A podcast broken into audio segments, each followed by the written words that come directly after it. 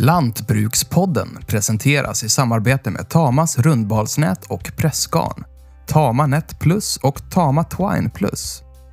De är lösningar för lantbrukare och maskinstationer med höga krav och säkerställer tillförlitlig balning. Mindre stillstid, perfekta balar. Besök tamaskandinavia.se för att läsa mer eller kontakta din lokala återförsäljare.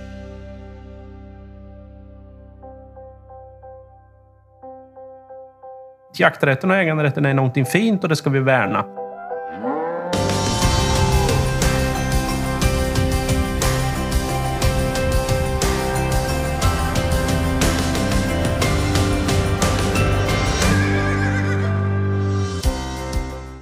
–170 vargar.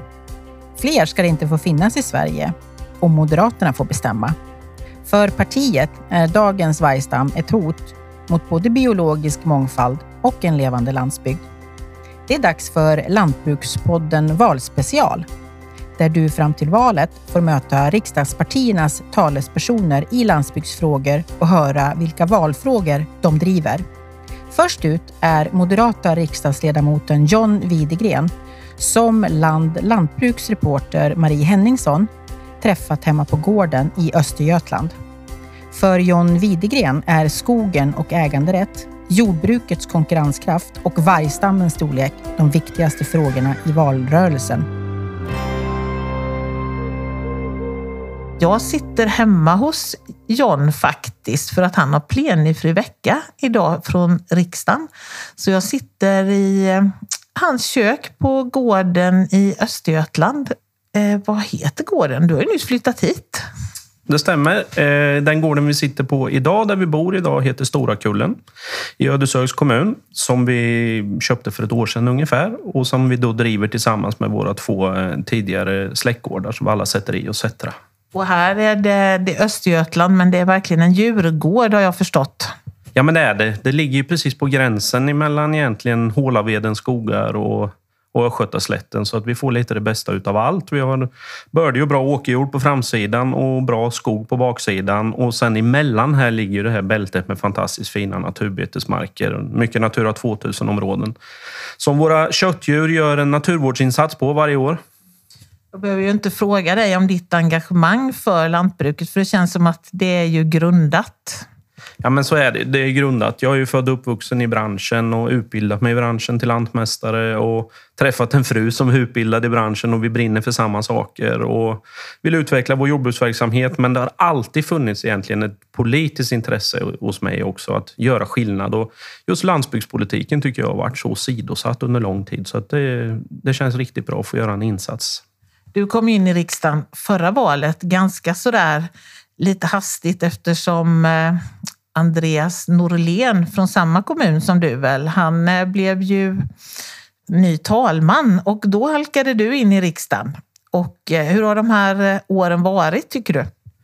Ja, men det stämmer bra. Andreas Norlén är född och uppvuxen i Ödeshögs kommun men han bor i Norrköping idag. Eh, ja, men det har varit roliga år. Jag hamnade ju först i konstitutionsutskottet och sedan när regeringsbildningen var klar, den som tog lite längre tid än normalt, Eh, Eh, så ändrade vi om i laguppställningen mycket Moderaterna och då hamnade jag i miljö och jordbruksutskottet som landsbygdspolitisk talesperson.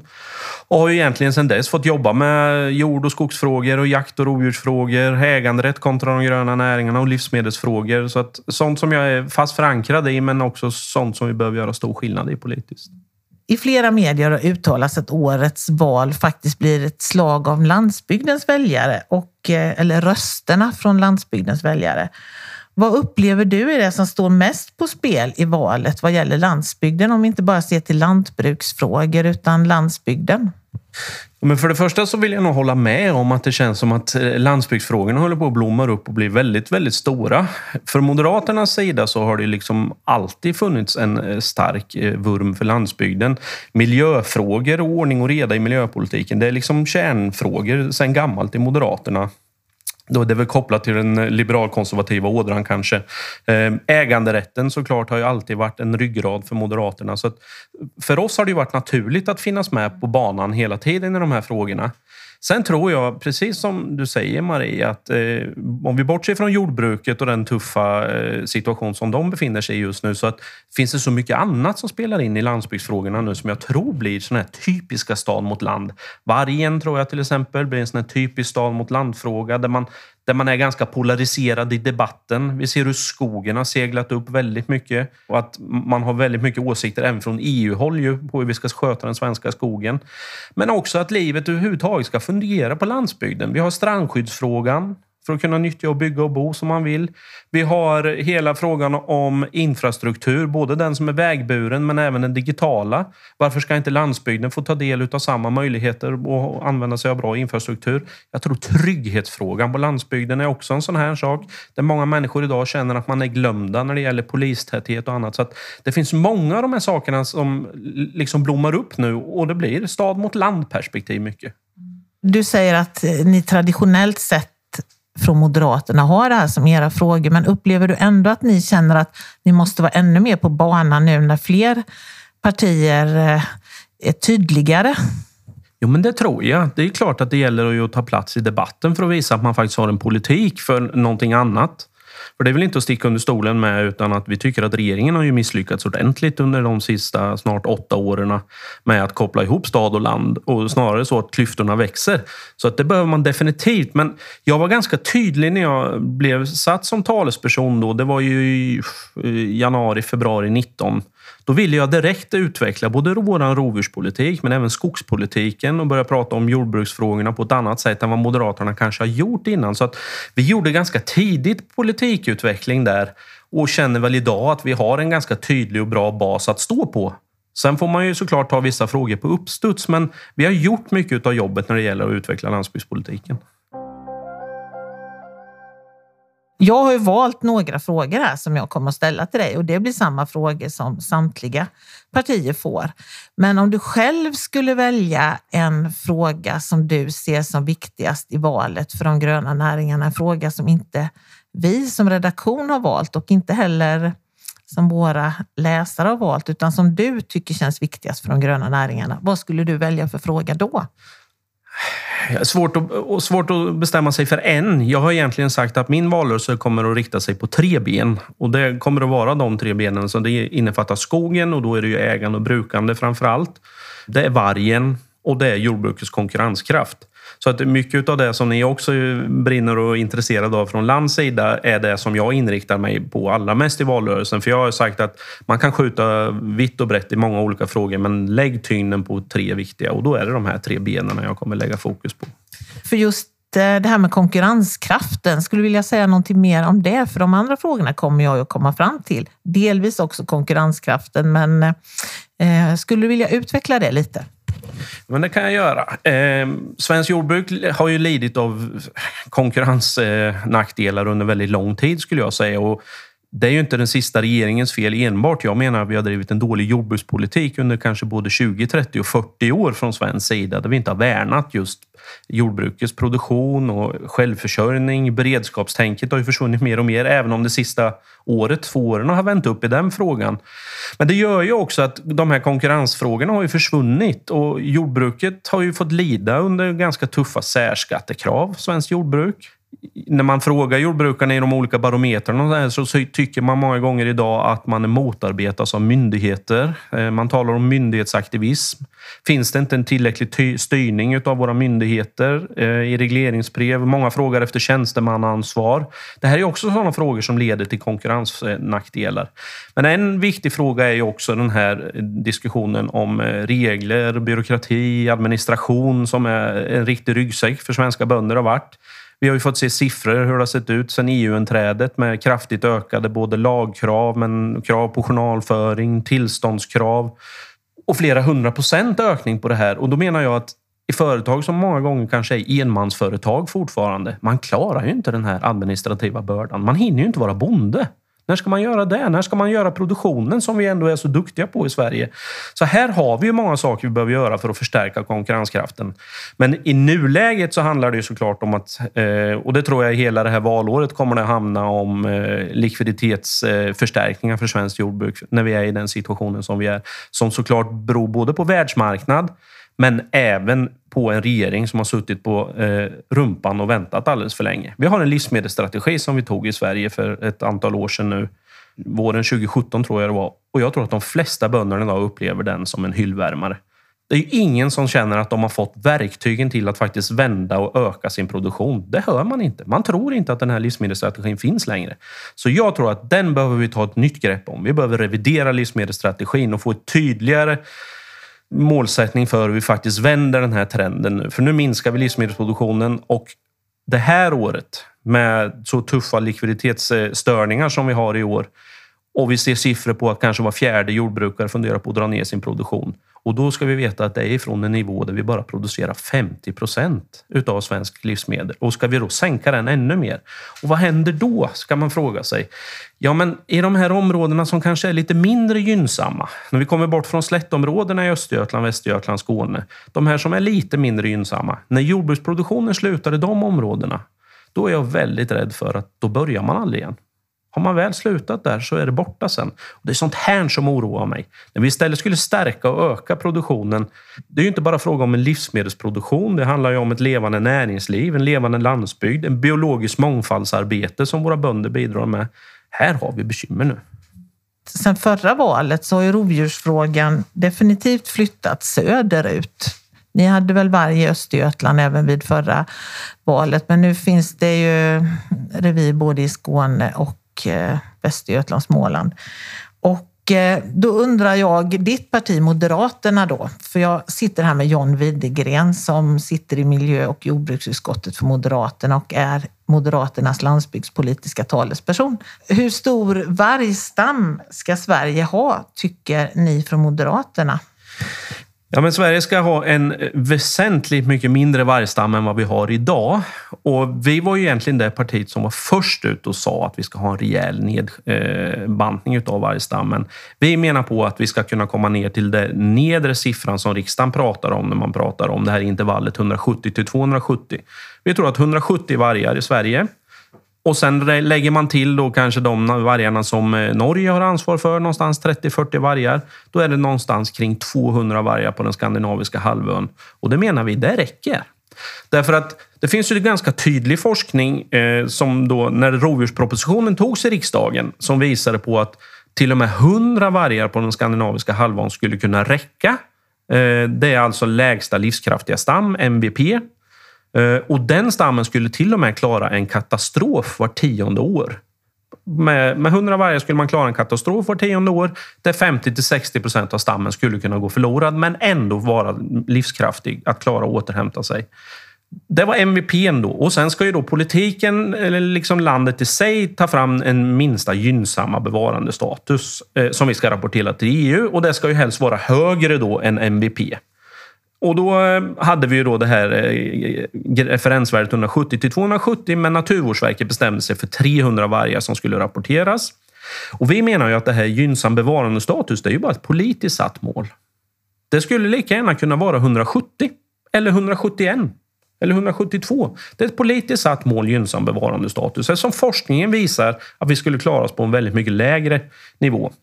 Och I den här rovdjurspropositionen som togs då 2013 så sa man ju också, det var ju fler mål i den här. Och det, ett av de målen var att det skulle inte påtagligt försvåra tamdjurshållning och det skulle inte få negativa socioekonomiska aspekter. Och de här målen har man ju inte alls klarat att uppnå. Så att man har stirrat sig blind på och bara tittat på det här med antalet vargar. Men vi ser att det fungerar väldigt, väldigt dåligt i vissa områden. Både för människor som lever och brukar fårproduktion till exempel i vargtäta områden. Ja, men de väljer att sluta med sina betesdjur. Och det här är ett stort bekymmer därför att vilka betesmarker är det de slutar att beta först, de här fårbönderna, om de får vargpopulation i sitt område? Jo, men det är de här mindre betesmarkerna som ligger lite längre från gården och som ligger insprängda i skogsmarker och annat. Och Det är de som är allra, allra viktigast, viktigast för biologiska mångfalden. Det är de vi förlorar. Så att de här som pratar om en ökad vargstam och stark vargstam då i förhållande till eh, biologisk mångfald, det blir ju tvärtom. Det största problemet vi har med biologisk mångfald i Sverige är ju att vi inte betar våra naturbetesmarker idag. Det här är ett stort hot som vargstammen innebär. Så att jag återkommer igen till det. Moderaterna tycker 170 vargar i Sverige. Det klarar vi och det kommer vi klara även att motivera. Vi vet också att IUCN rapporterar, det är världens största miljövårdsorganisation, att Vargen är förvaltningsbar idag, den är inte hotad. Så egentligen skulle svenska regeringen kunna jobba för i EU, då, i EUs art och habitatdirektiv, att vargen ska byta bilaga ifrån hotad till förvaltningsbar. Så det finns ett antal saker vi behöver göra där. Så genom licensjakt såklart då sänka stammen ordentligt, men sen behöver vi ha en mycket bättre fungerande skyddsjakt. Och det är olyckligt, för det tog vi ett majoritetsbeslut om för snart två år sedan i riksdagen att det skulle bli enklare att få skyddsjakt. Det skulle bli snabbare och enklare att få skyddsjakt och man skulle kunna skjuta av ett helt revir om det behövs, om det är ett problemrevir. Men det händer ingenting. Det står och stampar. Regeringen genomför inte det här. Var är vi då idag? Ja, förra året så DNA-säkrade vi nästan 400 vargar i Sverige. Det var före förra årets föryngring. Säg att vargstammen då låg någonstans 450-500 vargar när vi gick in i årets licensjakt. Där det var 33 vargar tilldelade från början, sen sänktes det lite. De är väl i princip skjutna nu, så när som på någon varg. Men det sänker ju inte stammen. Vi kommer ju ha en fortsatt tillväxt på vargstammen i Sverige idag. Och det är jag rädd för. För att ju större vargstammen blir, desto svårare kommer det bli när vi ska vända och sänka den igen. Och jag menar att det här är en viktig fråga för landsbygden. Levande landsbygd, ett stärkt jordbruk med mycket naturbetesmarker och då blir vargen ett problem. Totalt sett så orsakar vildsvin och övrigt klövvilt, får man väl säga då, som hjort och, mm. och älg, faktiskt skador för 18 miljarder kronor per år. Men det är inte bara lantbruket utan det är även trafikskador och skogsskador. Hur eh, tänker ni på det i förhållande till den som man kan känna kanske lite mindre vargfrågan ekonomiskt sett? Kanske inte socialt och hur man upplever det utan i rena kronor och ören? Nej, men så är det. Det är ju jätteviktiga frågor såklart. Och vi, vissa områden i Sverige har ju haft en oproportionell tillväxt på, och jag skulle väl egentligen säga vildsvin och dåvilt. Tycker jag som det har varit eh, för stor tillväxt. Från moderat sida, så jag tycker det är ganska svåra frågeställningar det här på ett sätt. Därför att vi tycker att jakträtten det följer äganderätten. Det är en viktig del i det. Därmed är inte sagt att vi inte ska kunna hantera det på något sätt. Och jag tycker det vore väldigt olyckligt om vi liksom kommer börja falla in i att diskussionerna handlar mer om att använda sig av paragraf 8. Där det handlar om tvångsjakt i princip ifrån det offentliga. Vi får aldrig hamna där, för det, det, det är ju någonting fint. Jakträtten och äganderätten är någonting fint och det ska vi värna. Vi har ju, Moderaterna har ju drivit frågor om att det ska bli till exempel enklare att jaga vildsvin nattetid med lampor och nattsikten och sånt. Det har gått igenom. Vi har drivit under många år det här med småskalig försäljning. Det finns inte något färdigt förslag än var det kommer landa. Det finns ju ett förslag att ta ställning till men det, det går i långbänk tyvärr, som väldigt många andra frågor tyvärr gör. Därför, det som man har sett nu är ju att i de flesta län där vildsvinsstammen har varit väldigt hög har man ju lyckats att hålla tillbaks den kanske. Och det är tydligast att vi ser det i år för första gången. Att vildsvinsstammen sjunker. Viltolyckorna med vildsvin sjunker och avskjutningen har varit extremt hög de sista två åren. Och det är för tidigt att säga det än, men är det så att vi har kunnat vända vildsvinsstammen med jakt, då är det väldigt, väldigt bra. Då är det ett tydligt tecken på att det går att hantera det på det viset. Att vi förvaltar vildsvin med kulor och krut. Och jag tror att det är på samma vis eh, med dåviltet är ju förvaltas med kulor och krut. Och där har man ju också öppnat upp för längre jakttid och ökad möjlighet till skyddsjakt. Så jag hoppas att den trenden kanske kan få samma. Eh, vissa efterfrågar ökade hjälpmedel även för dåviltsjakt. Eh, eh, för eventuellt jakttid nattetid. Det har vi inte tagit ställning till. Jag kanske tycker att det är lite långtgående än så länge. Men om vi inte får bukt med dåviltsproblematiken så behöver vi kanske öka även eh, möjligheterna där. Och ett första steg i det här är ju också en översyn kanske av jaktlagstiftningen. Eh, och den tror jag att det finns en majoritet för i riksdagen nu. Att vi behöver öppna upp den här gamla jaktlagsutredningen som lades ner av socialdemokratiska regeringen. Så att det finns ett antal saker som ändå går att göra. Men jag, jag är ändå försiktigt optimistisk. Jag vet att en del har jättebekymmer med vildsvinsskador. Men det känns som att vi kanske har lyckats att vända trenden på vildsvinen. Och då har vi gjort det genom jakt och det tycker jag är positivt. Du lyssnar på Lantbrukspoddens valspecial. Fram till valet träffar vi talespersonerna i landsbygdsfrågor för samtliga riksdagspartier. I det här avsnittet är det riksdagsledamoten John Widegren som argumenterar för hur Moderaterna ställer sig till våra lyssnares viktigaste valfrågor. tänker jag ta ett hopp från ja. lantbruket till skogen. Ja.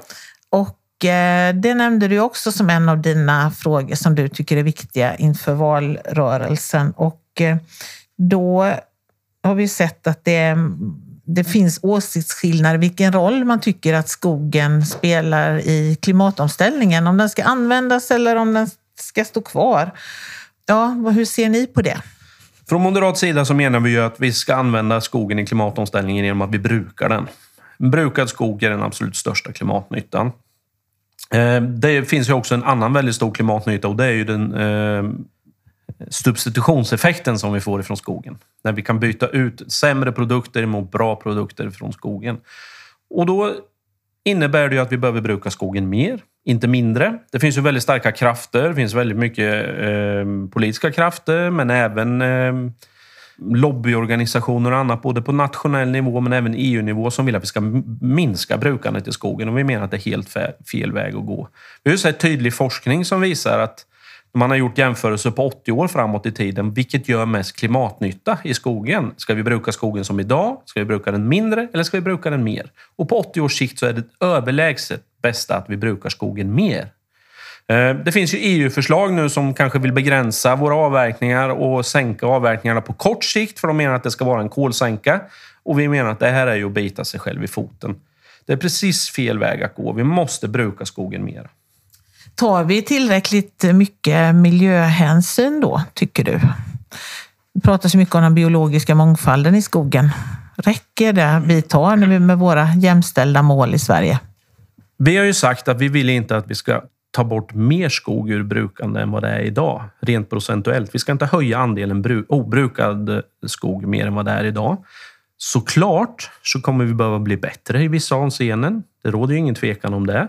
Eh, men det vi har sett är ju att sen vi införde frihet under ansvar i svensk skog från de svenska skogsägarna så har ju så otroligt många saker blivit mycket bättre. Död ved har ökat, gamla träd har ökat, lövandelen har ökat. Och det här gör ju skogsägarna med eget ansvar.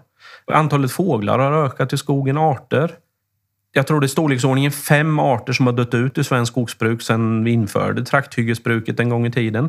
Och nu ser vi då även krafter som vill, eh, från EU-sidan som vill begränsa hur vi ska bruka skogen, om vi ska ha kalhyggesbruk eller kontinuitetsskogsbruk. Och vi menar att ja, det är precis samma sak där som i jordbruket. En del jordbrukare vill vara ekologiska och en del vill vara konventionella.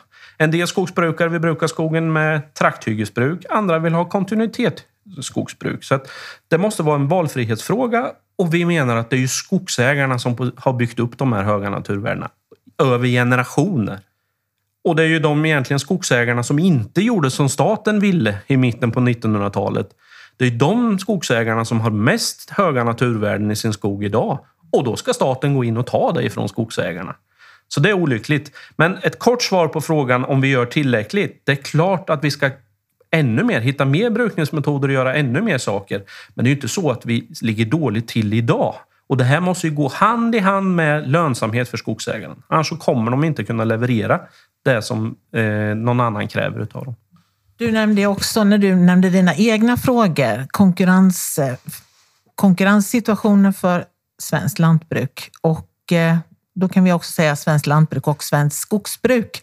För nu tänkte jag att jag skulle gå in på det här med diesel, de väldigt höga dieselpriserna som till viss del beror på, på den, eh, den procentsats vi har i Sverige vad gäller reduktionsplikten, det vill säga inblandningen av, av förnybart bränsle. Hur ser ditt parti på reduktionsplikten? Den, här, den andelen och i förhållande till övriga Europa? Till att börja med så ska vi säga att är, vi har olyckligt höga drivmedelskostnader i Sverige idag. Eh, och det, det här märks ju tydligt för primärproduktionen att det drabbar dem. Det är ett problem som vi måste jobba med hela, hela tiden. Och från moderat sida har vi varit de som varit tydligast med att sänka skatten på drivmedel. Och vi är ju de som har velat sänka skatten på drivmedel, bortsett från reduktionsplikten nu ska vi säga, allra, allra mest. Och nu får vi ju dessutom en sänkning under våren, dock bara med 50 öre eh, efter vissa förhandlingar. Men det är klart att just reduktionsplikten och den procentsatsen, det är inte sticka under stolen med att vi behöver se över det den procentsatsen behöver ses över. Vi har inget färdigt förslag idag. Därför tyckte vi på utskottet att när eh, KD och SD la fram förslaget om att se över det här med reduktionsplikten, att det skulle utredas vidare. Tyvärr fick vi inte en majoritet för det i utskottet, så frågan dog ju på sittande utskott. Ehm, det har ju blivit så tyvärr att när vi ökar reduktionsplikten så minskar vi de farliga utsläppen från den fossila egentligen. Men samtidigt går priserna upp. Så att vi har ju, det är en dålig sak som har hänt här nu. Så att nej, vi behöver definitivt se över just eh, reduktionsplikten. Men det enklaste och snabbaste sättet just nu är ju att sänka drivmedelsskatterna. Vi uppehåller oss lite här kring fossilfrihet för att eh, lantbruket är ju en viktig, viktig spelare i omställningen till ett hållbarare samhälle. Och eh, i somras så la landshövding Helena Jonsson fram ett förslag om hur det svenska jordbruket skulle kunna öka sitt fossiloberoende fram till 2030. En del i förslaget var till exempel att införa en särskild biopremie för biobränsle och det var eh, skatteåterbetalningen på diesel skulle fasas ut och ersättas av ett generellt skatteavdrag. Har ni diskuterat det här i Moderaterna och har tagit någon ställning i det här, den här utredningen? Eh, vi har ju kikat på utredningen såklart. Den är vi fortfarande ute på remiss. Eh, så vi avvaktar ju på att det ska eventuellt kunna bli några skarpa förslag. Men vår grundinställning till det här till exempel med jordbruksavdraget, det är bra. Det är, en, det är en jättegod tanke. Vi kan inte säga hur, den kommer, eh, hur det ska kunna se ut och liknande, men det är en bra tanke. Och jordbruket själva har ju också varit tydliga med att man vill minska sitt fossilberoende. Eh, det tycker jag eh, LRF framförallt som organisation var ju tydligare redan för ett par år sedan och sa det. Eh, det får ju dock inte ske i otakt med övriga Europa. För, inte i för stor otakt med övriga Europa, ska vi säga, för då tappar vi konkurrenskraft igen. Men då kunde ju det här jordbruksavdraget vara en, en smart lösning. Absolut. Eh, vad gäller biodieselpremie så tittade jag faktiskt på det tillsammans med partiet redan när jag kom in i riksdagen 2018. Vi började titta på det då. Vi vet ju fortfarande inte och vi vet ju inte hur EU kommer att ställa sig till det. Eh, det är ju fortfarande inte genomförbart och vad gäller statsstödsregler och vad de kommer godkänna och liknande. Så att det är också en fråga man får ta med sig, men den är ju såklart intressant. Eftersom vi vet också att eh, jord och skogsbruk kanske är de två branscherna som ändå kommer vara beroende av flytande bränslen under längst tid framöver. Även om vi gör en stor omställning så kommer jord och skog kommer vara beroende av flytande bränslen. Där tycker jag också, vi moderat sida har vi haft en satsning i budgeten också om, eh, och där har vi haft mest pengar till ett grönt eh, bränslestöd som det heter och det är ju för att kunna stimulera produktionen i Sverige. För det är ju här vi ska producera eh, de gröna bränslena. Vi ska ju inte åka och hämta dem runt om i världen, då är det ingen nytta med det. Utan kan vi producera mer grönt bränsle i Sverige eh, genom till exempel jordbruk och skogsbruk, ja men då har vi en win-win situation. I vår väljarundersökning så uppgav de vi frågar att det viktigaste frågan för lantbruket är nu att slippa ifrån en del av de här pålagor och myndighetskrångel som man, man upplever tar mycket tid och energi från själva jobbet på gården och i skogen. Från moderat sida så har vi sagt under några års tid och haft pengar i budgeten till att tillsätta en regel och förenklingskommission som vi kallar det. Och det här är inte som att tillsätta en utredning och sen är det klart, utan det här är en kommission som måste finnas år till år. Och vi har sagt att Jordbruksverket skulle vara de som var ansvariga tillsammans med kanske någon mer myndighet men sen att näringen själv finns med i den här kommissionen. Och Sen ska det här vara som ett levande dokument. Det här ska jobba år till år och titta hela tiden på vilka saker behöver vi faktiskt ha och vilka saker kan vi ta bort. För kan vi minska de här eh, administrationskraven och regelkrångel och annat, då kommer det göra stor nytta och det kommer framförallt ge en positiv skjuts för jordbruket och känna att ja, men det ska inte vara så tungarbetat och det går faktiskt att ta bort saker som inte är nödvändiga längre. Och vi har ju sett bara sista åren här nu regeringen har kastat ur sig till exempel det här med de här avgifterna på egna grusgropar och sådana saker. Men varför? Varför ska vi göra på det här viset? Det, det finns för mycket tokigheter och många av de här tokigheterna är tyvärr kopplade till miljöbalken.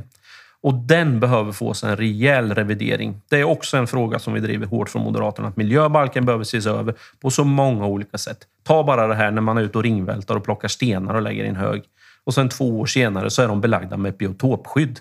Var i finns rimligheten? Varför ska vi ha det på det här viset? Eller som jag som har en allé som är tvärdöd här i Almar.